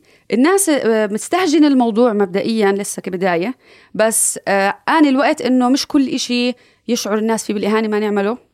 ومش كل إشي إحنا هلأ كمان كل واحد صار في عنده صلاحية إنه يشعر بالإهانة. أنا سمراء أنت حطيت آه، تان أسمر شوي ليش؟ يعني بتتمسخر علي أو مثلا بتحاول تخلي السمار إشي طبيعي. صار في كتير مجال للإهانات. ك- كشعوب مش متعودة على إنه نحكي من منطلق مش ديني لا تنسى كمان إنه الدين يعتبر هوية هو بيكون جزء من شخصيتك وبتصير أنت طريقة كلامك بينك وبين حالك إلها أساس ومرجعية دينية مم. فأكيد في ناس رح تشعر بالإهانة مم. أو ناس رح تتضايق بس بالآخر الهدف العلم صح سواء عجبك أو ما عجبك والهدف إنه نحاول نطلع ال- الشخص من إنه لما تيجي تفكر بأشياء معينة ما تفكر فيها بطريقة إيمانية مم. لما انت بدك تحل مشاكلك بينك وبين نفسك مثلا انت مش عارف تنام بس تصلي بترتاح هذا إشي ممتاز جدا وحافظ عليه. أي ممارسات بتفيدك وبتساعدك اعملها بحياتك الشخصية. بس لما تيجي تطلق أحكام بتدرب حالك إنه تطلع من منظومة الدين كمان. تطلع من إنه آه, آه سبحان الله هيك رح يصير. بدك تجيب الاحتمالات صح مش إحنا بدنا نبني بدنا نبني حضارة. مم. بدنا نجيب الاحتمالات الدقيقة وبدنا نعملها بغض النظر عن إيش خلفيتي العلمية أنا. عشان هيك نفصل الحياة الشخصية والروحانيات عن العلم اللي ذات وركس العلم اللي بيوصلنا لمكان. بس ال ال ال بدي أسميه الإيمان ما مش يعني ما ممكن يشتبك أو مش يشتبك يل- يلتقي مع العلم. إحنا كمجتمع أو كأخرين اسميه حضارة مش في مرحلة من المراحل كان في عندنا هذا هذا المستوى العلمي المتقدم مع وجود إيمان بهويتنا وبثقافتنا بدون أي تضاد مش كانوا أحيانا يستع- يستعملوا هاي الإشارات اللي ممكن تكون موجودة في الدين. مش حقول يطوعوها لكن ينطلقوا منها باتجاه آه، الالتقاء مع نظريات علمية معينة. أوكي. آه هذا كمان انحياز. آه. هذا يعتبر انحياز لأنه أنت بدك ت- بدك تأكد على الأشياء اللي اللي, بتآمن فيها already هذا اسم الانحياز التأكيدي. م. أنا في عندي أفكار براسي وبدي آجي أدور على الدلائل اللي بتثبت رأيي وبتجاهل الدلائل اللي ما بتثبت رأيي. فموضوع إنه العلم والإيمان بيلتقوا طبعا هلا هي كلمة إيمان كلمة كتير واسعة. أوكي. يعني أنت بتحكي أنا مؤمن بالبشرية مؤمن ب... بالروح الإنسانية المنيحة مثلا. مم. هذا كمان إيمان اسمه مش ضروري أنت تآمن بشيء معين. مم. عرفت؟ فالايمان وال آه والعلم ما في داعي يرتبطوا ببعض. يعني نيوتن إيمانه كان إنه آه بتقدر تحول أي مادة لذهب. مم. ال alchemy الخيمياء. آه آه. وقضى يعني فت... ضيع فترة طويلة من حياته على هو يحاول يطلع ده يعمل ذهب. مم. وما زبطت معه بالآخر. كان إيمانه إنه هذا ممكن يزبط. آه أينشتاين كان عنده إيمان إنه في شيء اسمه أثير وبتنتقل فيه الأشياء وحط ال cosmological أو الثابت الكوني لأنه هو شيء مآمن فيه already وأجوا آه تنين آه mathematicians قالوا له أنت غلطان. في غلط بالمعادلة؟ لا. لأنه إشي مآمن فيه وبالآخر طلع غلط. أوكي. فالإيمان عمره ما بيوصلنا لإشي. الإيمان ممكن تكون تقدر تقول ك ك set من المبادئ ومن الأفكار اللي إحنا بنتعامل فيها مع بعض ونتعامل فيها مع حالنا طالما الإيمان مش مؤذي للمنهج العلمي ولا مؤذي لا ولا عم بيأثر بانحياز على طريقة صناعتك للعلوم أو طريقة اتباعك لطريقة التفكير. أنا عم بحكي عن الحياة الشخصية. آه آه. آه الإيمان جميل جدا. بس شفت إنه الإيمان صار يأثر على النتيجة أو يأثر على أنت إيش حابب تطلع النتيجة. أعرف إنه أجا وقت إنك تفصل. إيماني لحال هاي الطيارة بدها تطير اليوم. أوكي. ملهاش خص. مم. عرفت؟ تمام تمام تمام. عم تعتبري حالك لما تنسألين بتعتبري حالك متشائمة؟ بعدين قلتي لا أنا لحظة أنا مش متشائمة أنا يمكن واقعية. هلأ شوف في ناس عندهم غلط أوكي. في هذا الموضوع. الحياة خير وشر. أوكي. عندك 50 50 50 الحياة مش 50 50 ابدا مش 50 طيب 50 هاي نظرية؟ آه لا مش نظرية هذا احصائيا؟ آه احصائي لأنه أنت مثلا في عندك آه 100 خيار قدامك. مم. أنت اخترت إنه هدول الثلاث خيارات منهم هدول عاجبيني. إذا صاروا أنا بكون مبسوط وبتمشي الأمور على كيفي. وال 97 الباقيين إذا صاروا م- مشكلة كبيرة. يعني بصير الزمن غدار و ف 97% من الوقت رح يصير الإشي اللي أنت ما بدك اياه يصير okay. احصائيا. okay. فبسبب إحنا تفضيلاتنا للأشياء وبسبب القصة اللي إحنا بنحكيها لحالنا والقصة اللي إحنا بدنا تمشي فيها حياتنا بصير في عنا انحياز إلى إنه الأشياء اللي منيحة كتير عددها قليل. فبصير فرصة حدوثها أقل قليلة كمان مش زي الإشي المنيح فإذا بدك تطلع على تاريخ البشرية تاريخ البشرية مليان دم مليان قرف مليان سواد. آه، أنت نفسك بدك تعمل إنجاز. مثلا أنت عندك رسالة دكتوراه. رح تقعد يمكن خمس سنين وانت تجهز للرسالة وستريس وضغط ومش عارف تنام الليل ومش عارف تاكل وعلاقتك بأهلك تأثرت عشان لحظة النجاح اللي انت رح تروح يعطوك الشهادة. مم. فانت إذا بدك تقارن آخر خمس سنين بحياتك قديش كانت لحظة آه، لا، وقت ب- النجاح مقارنة بوقت بس ال stress؟ تبعات. يعني أنا مش عشان هاي اللحظة في لها تبعات ما بعد ال- بالضبط. فأنت بدك تطلع على الحياة ك journey كرحلة وصولي لهذا النجاح. أغلب الوقت الناس اللي بتعبوا بيكون رحلة وصولهم لهذا النجاح stressful. لأنه إحنا ال dri- ال drive اللي بيعطينا الحياة إنه نقوم ونطلع قوم من التخت ونعمل إشي هو ال stress خاصة إنه هلأ صارت حياتنا قبل كنت في قدامك ضبع. يا الضبع رح ياكلك يا رح تشرد. معك خمس دقائق أنت عندك خمس دقائق من ال stress stress يعني خرافي بس هو خمس دقائق إذا أكلك خلاص فيش stress فيش تفاعلات. إذا ما أكلك مخك مخك بكافئك. بتروح بتنبسط وبتشعر بالراحة. إحنا ال stresses تبعون حياتنا هلأ بطلت زي حياة البراري. صار ال stress تبعك بده يصير كمان سنتين. رح يصير كمان عشر سنين. ابني كيف بدي أحطه بالجامعة؟ أجار بيتي كيف بدي أدفعه السنة الجاي؟ فأنت stressed بحالة stress الكورتيزول عندك بوصل يعني لفوق وبنفس الوقت ما بتقدر تعمل إشي. بدك تستنى. ف آه، اللي بيعتبرني متشائمة الناس بتعتبرني متشائمة لأني أنا بطلع على الحياة بواقعية عن جد. والدنيا آه، لحظات الفرح هاي اللي إحنا بندور عليها فيها كتير قليلة. مم. مقارنة بلحظات الستريس والتعب وال... وجلد الذات والأشياء اللي الرحلة هاي اللي بتوصلها لبين ما توصل لهاي رحلة و- لحظة السعادة اللي بس بس أظن أنت عم تحكي عن بيك الفرح. صح؟ يعني أكثر من آه، الفرح. يعني أنت معتبرة مثلا إنه العادي. هو هو العادي عادي. هو الطاغي. إحنا بالنسبة لنا الإشي العادي هو الطاغي. الإشي العادي اللي اللي بصير معك كل يوم.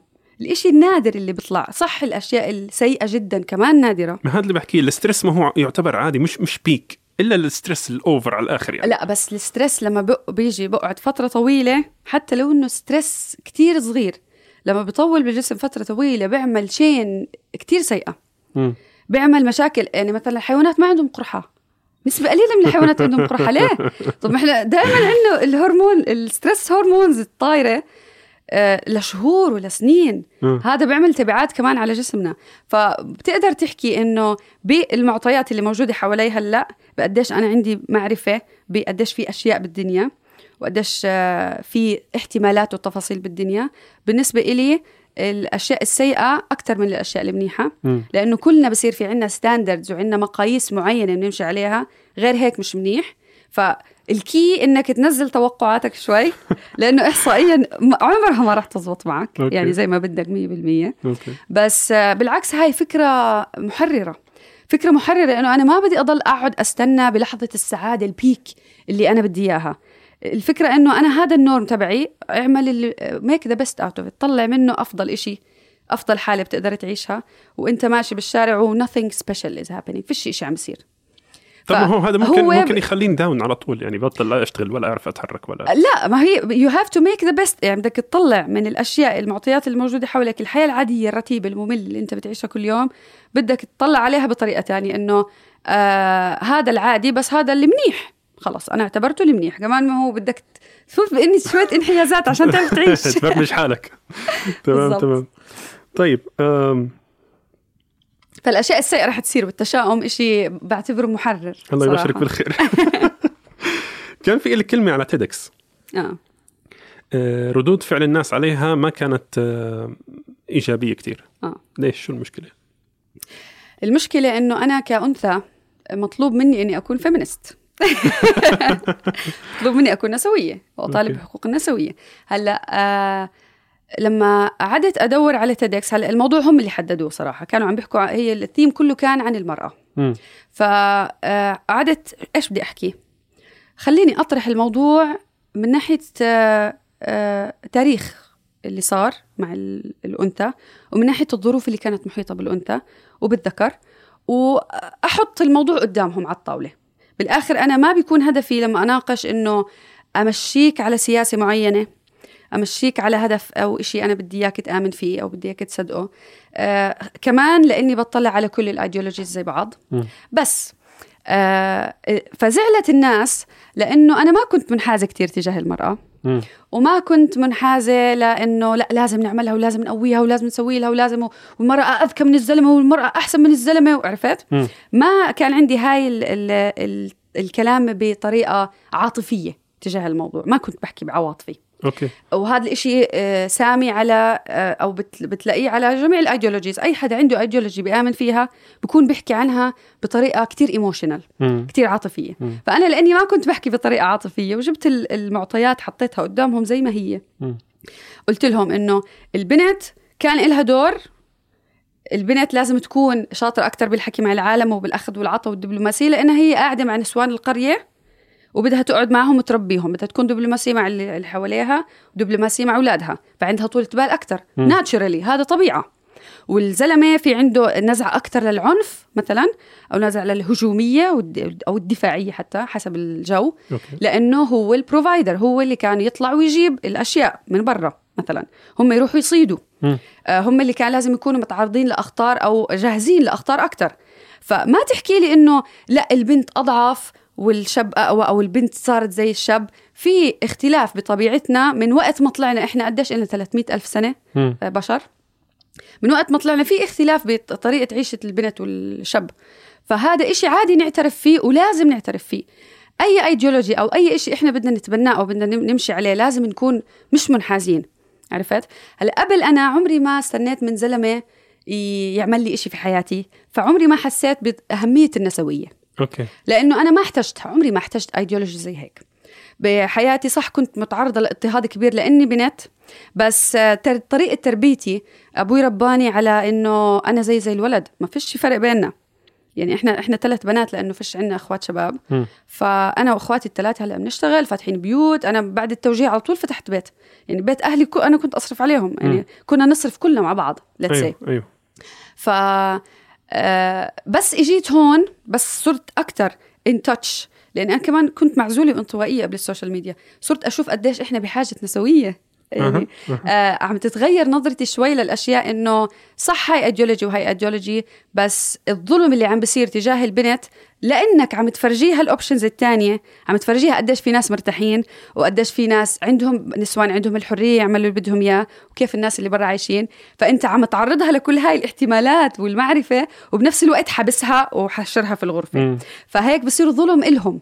بصير ظلم لنفسيات الناس نفسيات البنات والشباب فعم بتجه شوي إني أكون آه مش نسوية بس أنا مبادئ النسوية بحسها مناسبة جدا للفترة اللي إحنا عم نعيش فيها وهي السياق الطبيعي لم- لمشي الأشياء خاصة إنه أنت ما بتقدر تمنع العالم عن الإنترنت ما بتقدر تمنع العالم تشوف كيف الدنيا عايشة فبدك تتحمل النتائج. OK. بتعطيها تليفون للبنات ات- بدك تعلمها تروح أي مكان. هلأ صار عندها اطلاع على ثقافات مختلفة. مم. بدك تتحمل النتائج. مم. ما بتقدر تعرفها على كل هاي الأشياء. وشم ولا تدوق. إنه هدول كلهم الأشياء. شوف محلاهم أنت ممنوعين عليكي. OK. عرفت؟ فشوي تغيرت نظرتي. بس مهما صار حتى لو ناقشت آه، حتى لو حكيت خطابات أو حكيت أشياء نسويه بالمستقبل رح يكون الإشي كتير موضوعي. ورح يكون الاشي من ليه ليه why do we have to do this مش لأنه حقوق مش لأنه موضوع سياسي لأنه موضوع أنت نفسيا اعكس على كيف كيف تفكير البنت رح يصير وكيف نظرتها لنفسها وكيف quality تبعت حياتها ورضاها عن ذاتها رح يكون رح تكتشف إنه النسوية إشي ضروري إنه يصير أو تمكين المرأة إشي ضروري إنه يصير. فهذا الإشي اللي زعلوا منه العالم. بس بالآخر اللي مش عاجبه بلاش. تمام تمام. طيب OK. آه سلام أنت كنت في دبي أساسا؟ نعم أبو ظبي وبعدين. جيتي آه، في أبو ظبي. OK وبعدين جيتي على عمان جديد. قد إيه فرق الجو معك؟ كتير كتير كتير فرق. لأنه كتير أشياء تغيرت بحياتي. أنا مش تركت شغل وجيت على شغل تاني بشبهه. أنا تقريبا غيرت حياتي كلها. مم. أنا كنت أشتغل موظفة بمجال الطيران كل يوم قاعدة على الكمبيوتر 8 9 ساعات 10 ساعات. فكان فرق كبير بحياتي فرق كبير بالمكان اللي أنا فيه.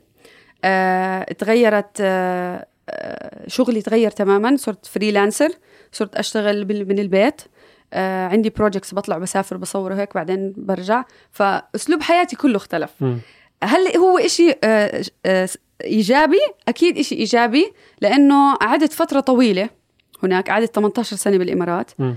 وقعدت 12 سنة موظفة من وقت ما خلصت توجيهي وأنا موظفة فكان جاي كان لازم يجي وقت إنه أعمل تغيير مم. مش لأنه الجديد أحسن ما بحكي إنه الموظفين مش مناح أو آه،. حياتهم مش منيحة بس أوقات في شخصيات ضروري يصير تغيير جذري بحياتك بتزهق يعني أنا هدفي من الحياة مش إنه أقعد آه، شوفوني ما أحسنني هدفي ت- الاستطلاع آه. عندي فضول يعني كبير أجرب أشياء بحياتي أجرب طريقة حياة مقارنة بطريقة حياة تانية آه، على حساب الإنجاز أوقات على حساب النجاح أوقات. أوكي. بس آه، الإشي الحلو هون مثلا الإشي اللي ما بحبه بالخليج؟ الخليج ما بتشوف فيها واحد مريض ختيار ماشي بالشارع مكحكح. ما بتشوف ناس كبار بالعمر. ما بتشوف سيارة قديمة. مم. ما بتشوف بيت فقير. مم. فأنت مفصول عن الواقع تقريبا تبع الكوكب تبع 90% أو أكثر من البشر اللي عايشين على الكوكب من المدن اللي موجودة بالحياة. مش هيك. آه، الحياة بالخليج كتير بتعمي عيونك عن قديش الدنيا فيها طلعات ونزلات وقديش في تفاوت بطبقات العالم كيف عايشين. فبضل أنت مغيب بالبابل اللي أنتوا عايشين فيها هناك. آه، بتضل كل الناس زيك بتنسى حتى إنك رح تموت. لأنه ما بتشوف ناس كبار بالعمر ما بتشوف حدا مكحكح وختيار وندمان مثلا على حياته إيش عمله. فهاي الأشياء اللي بنفتقدها بالخليج ما كنت أحس فيها هناك. هون أول إشي بتذكر قديش أنا آه، محظوظة بالحياة اللي أنا عايشيتها مهم. ومقارنة بناس تانيين وقديش أنا وقتي عم بمر وعم بكبر بالعمر وهي عم بشوف ختار قدامي كل يوم عم بتذكر إنه خلال فترة قصيرة كتير رح تمر بسرعة وأنا كبيرة فشو رح أعمل بوقتي. فكان في تغييرات إيجابية كمان من ناحية النضو- النضوج الفكري آه. بالنسبة إلي طب الناس بتشوف هذا بطريقة مختلفة بتقول لك انت تركتي الإشي اللي مدور عليه اللي هي الحياة الستيبل ال- القدرة على شراء كل شيء آه إن ننغمس في الإنجازات والشغل. بمقابل اللي أنت شايفتيه كويس إنه هو عبارة عن نكد يعني. أنا مش نكدة والله وأنا نكدة. أنا بحب أشوف الدنيا زي ما هي. مسؤولية علينا كلنا إنه أنت ما تعيش مغيب إنه أنت تعيش شايف آه، فاهم الوضع اللي على الكوكب وعارف قديش في ظلم وعارف قديش في مشاكل. وممكن هذا الإشي بالآخر إذا إحنا بدنا نضل المسؤولية على الناس التانيين إنهم يعملوا إشي على المسؤولين إنهم يعملوا إشي بنفوت بمغالطة ال bystander effect اللي الشخص اللي واقف عم يتفرج من بعيد أكيد في حدا رح يحل المشكلة مش أنا. وإشي تاني بتصير مفصول عن الواقع. أنا بحب أعيش الواقع زي ما هو حتى لو إنه في أشياء نكدة وفي أشياء سيئة. وكل يوم بتذكرني قديش في ظلم بالدنيا. أحسن ما أعيش حياة ماخذة حبة. أنا مغيبة طول الوقت وب mood واحد طول الوقت. ما في مجال لل growth يعني ال... أنت كيف تكبر وبتتطور؟ أنت بتتعرض لكتير أشياء وبتشوف كتير أشياء متناقضة. ده أنت عشت بهذا ال monotone أو ال... الإشي الواحد يعني على مستوى واحد كل حياتك أنا بعتبر إنه هاي خيانة. OK. ماشي. شخصيا في ناس آه. بحبوا هاي الحياة بس أنا الحياة اللي فيها واقعية أكتر وأنا in touch مع الدنيا ال- الدنيا ال- المدن كلها بالعالم. هيك المدن اللي بالعالم فيها فقير وفيها غني وفيها مريض وفيها صحي. فبحس إنه هذا بيقويني وبخليني واقعية أكتر وبيعطيني تفاؤل أكتر كمان. تفاؤل. تفاؤل. مم. تفاؤل إنه أنا متفائلة بطريقة آه، صح. أنا متفائلة بطريقة مش هبلة. أنا شايفة المعطيات وشايفة إنه في أشياء كتير سيئة. مم. والأشياء الحلوة بصير لها طعم أكتر أصلا. أوكي. بعدين أنا حياتي مستقرة هون. يعني يمكن لأنه وضعي مستقر. إحنا عائله كتير صغيرة أنا وبنتي بس. فيمكن عشان هيك أنا مش حاسة. بس أكيد أكيد أكيد حسيت بفرق كبير. وشفت قديش الدنيا مختلفة قديش أنت كل يوم بتتذكر إنه بد... ما فيش حدا يجي يعمل لك كل إشي في بيتك ويدير باله على ابنك ويجيب لك الجروسريز ويطبخ لك ويسوي لك هذا هاي نسبة قليلة كتير من العالم تعملها وإشي ممتع إحنا بطلنا نعمل إشي بإيدنا. إشي ممتع إنه تعمل إشي بإيدك أنت يعني عرفت؟ تمام طيب معنا تابع لها إنه آه هلأ آه عايشة قلتي لي لحالك مع بنتك آه. طيب العيشة لحالك ك single mom مع بنتك عيشة single mom أنا مش إشي فخورة فيه أبدا. حلو. آه مش موضوع إنه فخر. أنا مش بتضايق بس بحكم براسي عن الناس اللي آه أنا فخورة بإني مطلقة. أنا فخور بإني أب آه، أعزب أنا بدير بالي أبني. ما تكون فخور. الطفل بيحتاج أم وبيحتاج أب. بنتي بتحتاج male figure بتحتاج آه، آه، وجود ذكر في حياتها. آه، وبتحتاج وجود أنثى في حياتها. الناس اللي بحسسوها بالأشياء الأساسية اللي بدها تبني شخصيتها. فما تقول إنك فخور إنك فككت العيلة. آه، إشي جبرنا نعمله لأنه هيك الظروف لأنه إحنا بعدنا فكريا عن بعض لأنه أنسب إنه نكون عيلة منفصلة وصحية شوي مم. أحسن مما نكون مع بعض وفي برود أو ما نعطي الفكرة المنيحة عن العلاقات للبنت. مم. بدي إياها ما تاخذ فكرة سيئة عن العلاقات. وكان زواج ناجح إحنا قعدنا 16 سنة مع بعض. كانت علاقة ناجحة جدا لمدة 16 سنة وانتهت. وهلأ في تجارب تانية هو بيعيش تجارب وأنا بعيش تجارب. فأنا مش فخورة ابدا بإني single mom بس أنا بكون فخورة بالإشي اللي عم بحاول قد ما بقدر إنه يكون طبيعي قد ما بقدر بالنسبة لها.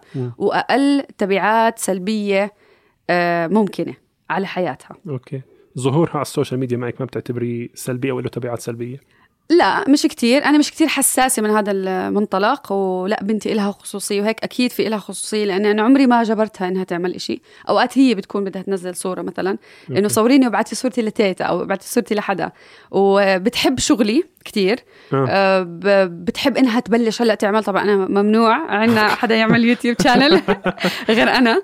آه، فما بدي بنتي تطلع تطلع شخص مهزوز أو شخص حساس زيادة للإهانات أو خايف من ال ال الانخلاط مع الدنيا مم. لأنه آه، حتى بكلامنا أوقات بحكي كلام يمكن يعتبروه الناس تنمر لبنتي أو شيء في إهانة إلها بس أنا بحكيه لأنه بدي أعودها إنها ما تكون كتير حساسة وإنها تاخذ الأمور بطريقة سخرية أكثر حتى لما تيجي تحكي لي عن حدا متنمر مثلا بالمدرسة بتحكي لي إياه بمسخرة. آه. تضحك عليه إنه هذا متنمر وأنا عارفة إنه هذا كله حكي فاضي وأنا I told them أصلا I don't care what you think وهيك.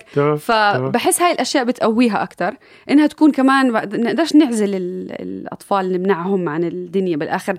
آه هذا هو مستقبلهم. يعني هم عايشين بالتكنولوجيا مش زينا. هم عايشين التكنولوجيا جزء من حياتهم كل يوم. ف آه، مرنها كيف تتعامل معاها أحسن من ما أمنعها عنها أو أخوفها. رح يكون في ناس مريضين بكل مكان مم. سواء بنتي آه، حكت مع كل الناس أو سواء بنتي كانت موجودة مع, مع يعني أي حدا عنده اكسس لصورها أو مثلا شيء وسواء حشرتها في غرفة. مش المهم هم كيف بيفكروا المهم هي كيف تفكر وهي كيف تتعامل معاهم بس انت هيك. سلبتيها قرارها يعني بلكي هي عندها ما بدها تطلع على ال social media بالمرة. آه إذا ما بدها I would never do it يعني إذا هي أنا كتير حذرة بموضوع هل هي مرتاحة مع هذا الموضوع أو لا. وبعدين هي بالآخر ما بتطلع معي ب videos ما بتطلع بتشرح معي videos. هي بتطلع معي بطريقة عفوية بما إني أنا بشارك يعني أشياء ممكن تعلمتها وأنا بحكي معها. OK. وبحكيها للناس. آه، ممكن بكون بصور بالآخر كان ما عنديش حدا يمسكها. بكون بصور بتيجي بتمرق من قدام الكاميرا أو ماما بدي آكل أو ماما فبقعدها جنبي شوي. تمام. فهي وجودها كتير عفوي يعني بتطلع بطريقة عفوية. وهي مم. عندها فكرة عن شو يعني اليوتيوب. وأنا بحاول شوي شوي أخليها قد حالها يعني من وقت آه. من وقت صغير. مم. تقدر تسافر تقدر تشوف ناس بدون ما تكون حساسة وأي حدا يقدر يأذيها يعني. أوكي. تمام تمام. طيب أم... أه، سلام انت تخصصك في العلم والعلوم ونشر العلم للناس وتبسيطه و... هو مش تخصصي آه اللي بعمله يعني. اللي بتعملي يعني خلينا نقول مجال شغلك أو مجال نشاطك. فجأة هوب ولا شفناكي في مسلسل. آه. هلأ شوف هو يعني أنت ما تزعل لا أنا مش زعلان. أنا مبسوط لك. آه، هو إشي بتعرف ال- الإنتاجات السينمائية بشكل عام آه، ما فيها أشياء علمية بالوطن العربي. عندنا نقص بالمحتوى العلمي بالعربي. بالوطن العربي بكل المجالات. مسلسل سواء يعني. بالتلفزيون سواء بالأفلام بالمسلسلات. فالمسلسل رح يكون علمي آه، كوميدي. رح يكون هو عبارة عن لقاء أو مجموعة لقاءات بين آه، بين سلام اللي هي أنا ما رح أكون أمثل رح أكون شخصيتي أنا. آه. آه رح يكون طبعا البلوت تمثيلية تمام. إنه الأحداث. بس آه نفس شخصيتي نفس اسمي نفس الأشياء اللي أنا ب- بحكي فيها دايما فرح يكون إشي طبيعي أكتر مش يعني مش إشي تمثيلي كتير. okay. آه يعني أنا مش ممثل بالآخر أو okay. okay. يعني لسه ما صرت ممثلة. بس آه الحلو بالموضوع إنه رح نحكي كتير عن العلوم ورح نطرح كمان الموضوع من ناحية فلسفية ونفسية. من طريقة إنه كل واحد في عنده مشاكل نفسية مشكلة نفسية معينة عم نشوفها هلأ بجيل الشباب وما بنحكى عنها. آه ممكن نفهمهم كيف يتعاملوا معها بطريقة أحسن أو نحللها مجرد وجود هاي الأشياء إنها موجودة محتوى موجود الناس عندهم اكسس عليه بيعودهم أكثر على فكرة إنه هذا إشي عادي آه. إنه في اختلافات إنه المنهج العلمي إشي حلو ومش مو مش بالضرورة يكون ممل ممكن يكون كتير آه، مسلي. وإحنا رح نحاول قد ما نقدر إنه يكون بطريقة مسلية اللي هي ال- نحكي الأفكار العلمية بطريقة مسلية بتجذب الناس. و... كيف؟ تجارب يعني ولا إيش إيش آه، اللي ما هو أنا بديش أحكي لك هو آه، آه بيكون ماشي. في شخص آه كائن فضائي. بيجي على الأرض عشان يتأقلم بيصير معاه ظروف معينة مم. ورحلة التأقلم هاي بنتعرف فيها على التكنولوجيا اللي موجودة عندهم مم. أو شو الاحتمالات اللي ممكن تصير بالحضاره حضاره آه كائنات معينة. أوكي. آه وبنفس الوقت بنحلل له البشر. نحكي له شوف أنت اجيت هون أنت ما بتعرف إشي عنا نطلع إحنا كيف. عنا هيك وبنعمل هيك وممكن هذا الإشي كمان يخلينا نطلع على حالنا من برا ونشوف قديش في عنا انحيازات أو قديش آه، في أشياء doesn't make sense وبنعملها أشياء مش. منطقية بنعملها. مم. فهو رح يكون زي نقد ساخر لواقع البشر وتحليل لهم شوي مع يعني جرعة علوم شوي. البوستر اللي شفناه ما في حدا مختص بالعلوم تقريبا؟ لا. لا بس أنا بس طبعا إحنا لما نشتغل مع فريق الكتابة بنكون كتير حذرين. يعني أنا عم ب... ب... لازم نتأكد إنه يكون الإشي آه معلومات صحيحة. حتى الأشياء الاحتمالات اللي بنحكيها احتمالات في إلها أساسات علمية ممكن تكون بس فرضيات. مم. بس كتير في أشياء كانت فرضيات قبل. وهلأ صارت حقيقة بنعتبرها إنه في إلها نظريات بتو- بتوصفها. فا آه بس أنا الوحيدة يعني اللي بحكي عن العلوم بس كل واحد مبدع بمجاله. okay. وإحنا بنجتمع مع بعض كلنا بطريقة تفكيرنا آه، وبطريقة كيف بنعيش حياتنا بحياتنا الشخصية متقارب شوي آه، أسلوبنا وأيديولوجياتنا. مم. ففي common ground يعني في أرض م- أرضية مشتركة. مشتركة. طيب آه راح أختم معك بهاي النقطة اللي هي إنه ستيفن هوكينج بالنسبة له الذكاء الاصطناعي آه مش هقول شر بس كان متشائم منه وكان بيحذرنا منه. انت شو موقفك منه؟ هلأ أنا مش قصة متشائمة بس ممكن تعتبرني زيه شوي. ممكن ان أحذر منه كمان. أنا شخصيا يعني بحكيش عن الموضوع كتير بس شخصيا بعتبر إنه في له مشكلتين. أول إشي هو إنه إحنا دائما بنربط الوعي بالذكاء.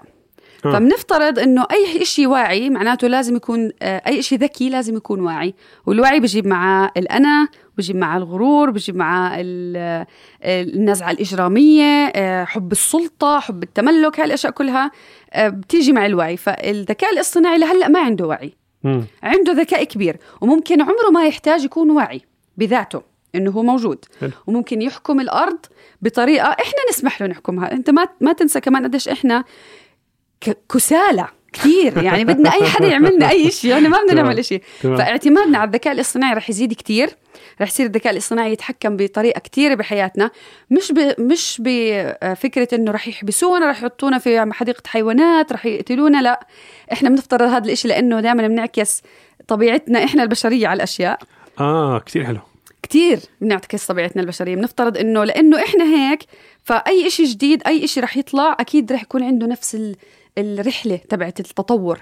فمش بالضرورة يكون عنده هاي الرحلة لأنه إحنا طبيعتنا مختلفة جدا عنهم وإحنا طولنا كتير بالبراري عنهم وإحنا وعينا يعتبر إشي جديد ولسه مش متعودين عليه. ما نعرفش كيف نتعامل كتير مع وعينا بذاتنا.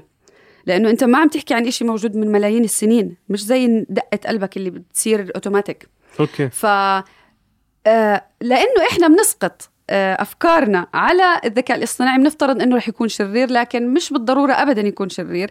لكن التشاؤم من وين بيجي؟ مم. من قصة إنه رح يصير يحل لك كتير مشاكل بحياتك لدرجة إنه رح تروح المشاكل رح يصير الحياة شوي س- كتير. okay. وفي تنبؤات كتير يمكن تنبأ لك لا لا تروح اليوم على السباحة روح بكرة أسب... آه، روح السباحة الأسبوع الجاي لأنه أنت عندك شوية تندنسي إنه آه، ماشي. مناعتك نازلة شوي فممكن يتحكم بحياتك كتير. بطريقة مزعجة توصلنا لمكان إنه طيب إحنا تطورنا كتير وصار الذكاء الاصطناعي يعمل كل إشي. طب وإحنا إيش نعمل؟ طب ها- هل هذا هو الهدف أصلا من الوجود؟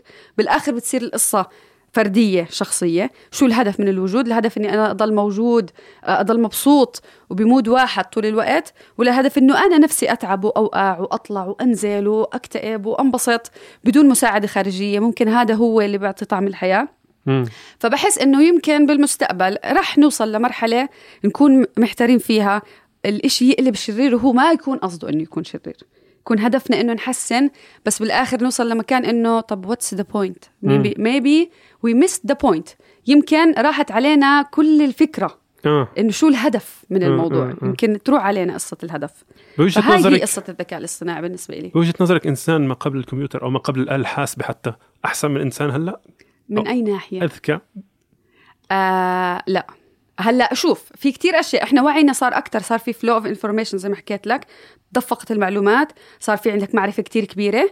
وعيك أنا بالنسبة إلي أكبر من الوعي الشخص اللي كان عايش قبل. مم.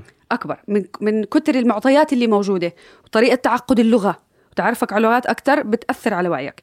لكن هل هم أذكى ولا لا؟ يمكن إحنا نكون أذكى بأشياء معينة آه، إحنا ما عندنا survive skills أنا ارميني هلأ في الغابة بموت. بعرفش اولع نار بعرفش عنا أشياء بسيطة بالنجاه ما بنقدر نعملها. هم أشطر منا بهذا الإشي. آه، تعال خليه يعمل إشي. الشخص اللي جاي مثلا من 500 سنة يعمل إشي. هلأ لازم يعمله يمشي بالحياة تبعت اليوم ما رح ي... ما رح يقدر ينجو بحياة اليوم. فكتير بيختلف كيف إحنا بنطلع عليهم. ما بنقدر نقارنهم. نقدر نقارن إنه هل هو مع طبيعته مع بيئته كان متعايش أكثر صح؟ أنا يمكن إذا رجعوني 500 سنة ما أكون مبسوطة. مم. لأنه أنا شفت اوريدي كتير أشياء تانية بعديها. صار عندي معرفة بكتير خيارات بعديها. مم. فهلأ أنا طب كيف بقدر أرضى بالقليل؟ كيف بقدر أرضى إني أعيش حياة بسيطة؟ أم- وعيي ما رح يسمح لي إني أكون مرتاحة. فمقارنة بقبل أنا بشوف إنه إحنا عم نتجه باتجاه نكون أذكى. طبعا الاتنشن سبان أو آه، تركيزنا صار كتير أقل تعدد المهام صار كتير أقل الإدمان صار كتير أعلى مشاكل نفسية صارت كتير أعلى صار كتير مشاكل. أنا بحكي لك إنه هاي هي خطورة الذكاء الاصطناعي. إنه إشي إحنا متعودين جدا مبرمجين على حياه البراري. وطلعنا فجأة منها هلأ عم نتطور بطريقة تسارعية كتير بعد أقل من يمكن 50 500 سنة أو أقل. رح نشوف تغيير جذري في حياتنا. وإحنا لسه مخنا مسستم على آه، في أسد أشرد. عرفت؟ فمحتاجين وقت طويل يمكن نتأقلم ويمكن بس نتأقلم نتأقلم نكتشف إنه this is not what we want. بالآخر مش هذا هو الهدف. ف كثير المستقبل مجهول ما حدش بيقدر يتنبأ. بس ممكن آه، الذكاء الاصطناعي يضرنا بهاي الناحية. وبالآخر ما في مقارنة بيني وبين الشخص اللي كا- كان عايش قبل ألف سنة لأنه أنت عم تحكي عن معطيات مختلفة تماما. لا أنا بقدر أعيش مكانه ولا هو بقدر يعيش مكاني هلأ. شكرا لك سلام. عفوا. شرفتينا. الله يسعدك. أهلا وسهلا فيكي. أهلا فيك شكرا. آه، متابعين شاي شكرا لاستماعكم ونلتقي فيكم الشهر المقبل. سلام. جميل. شكرا شكرا.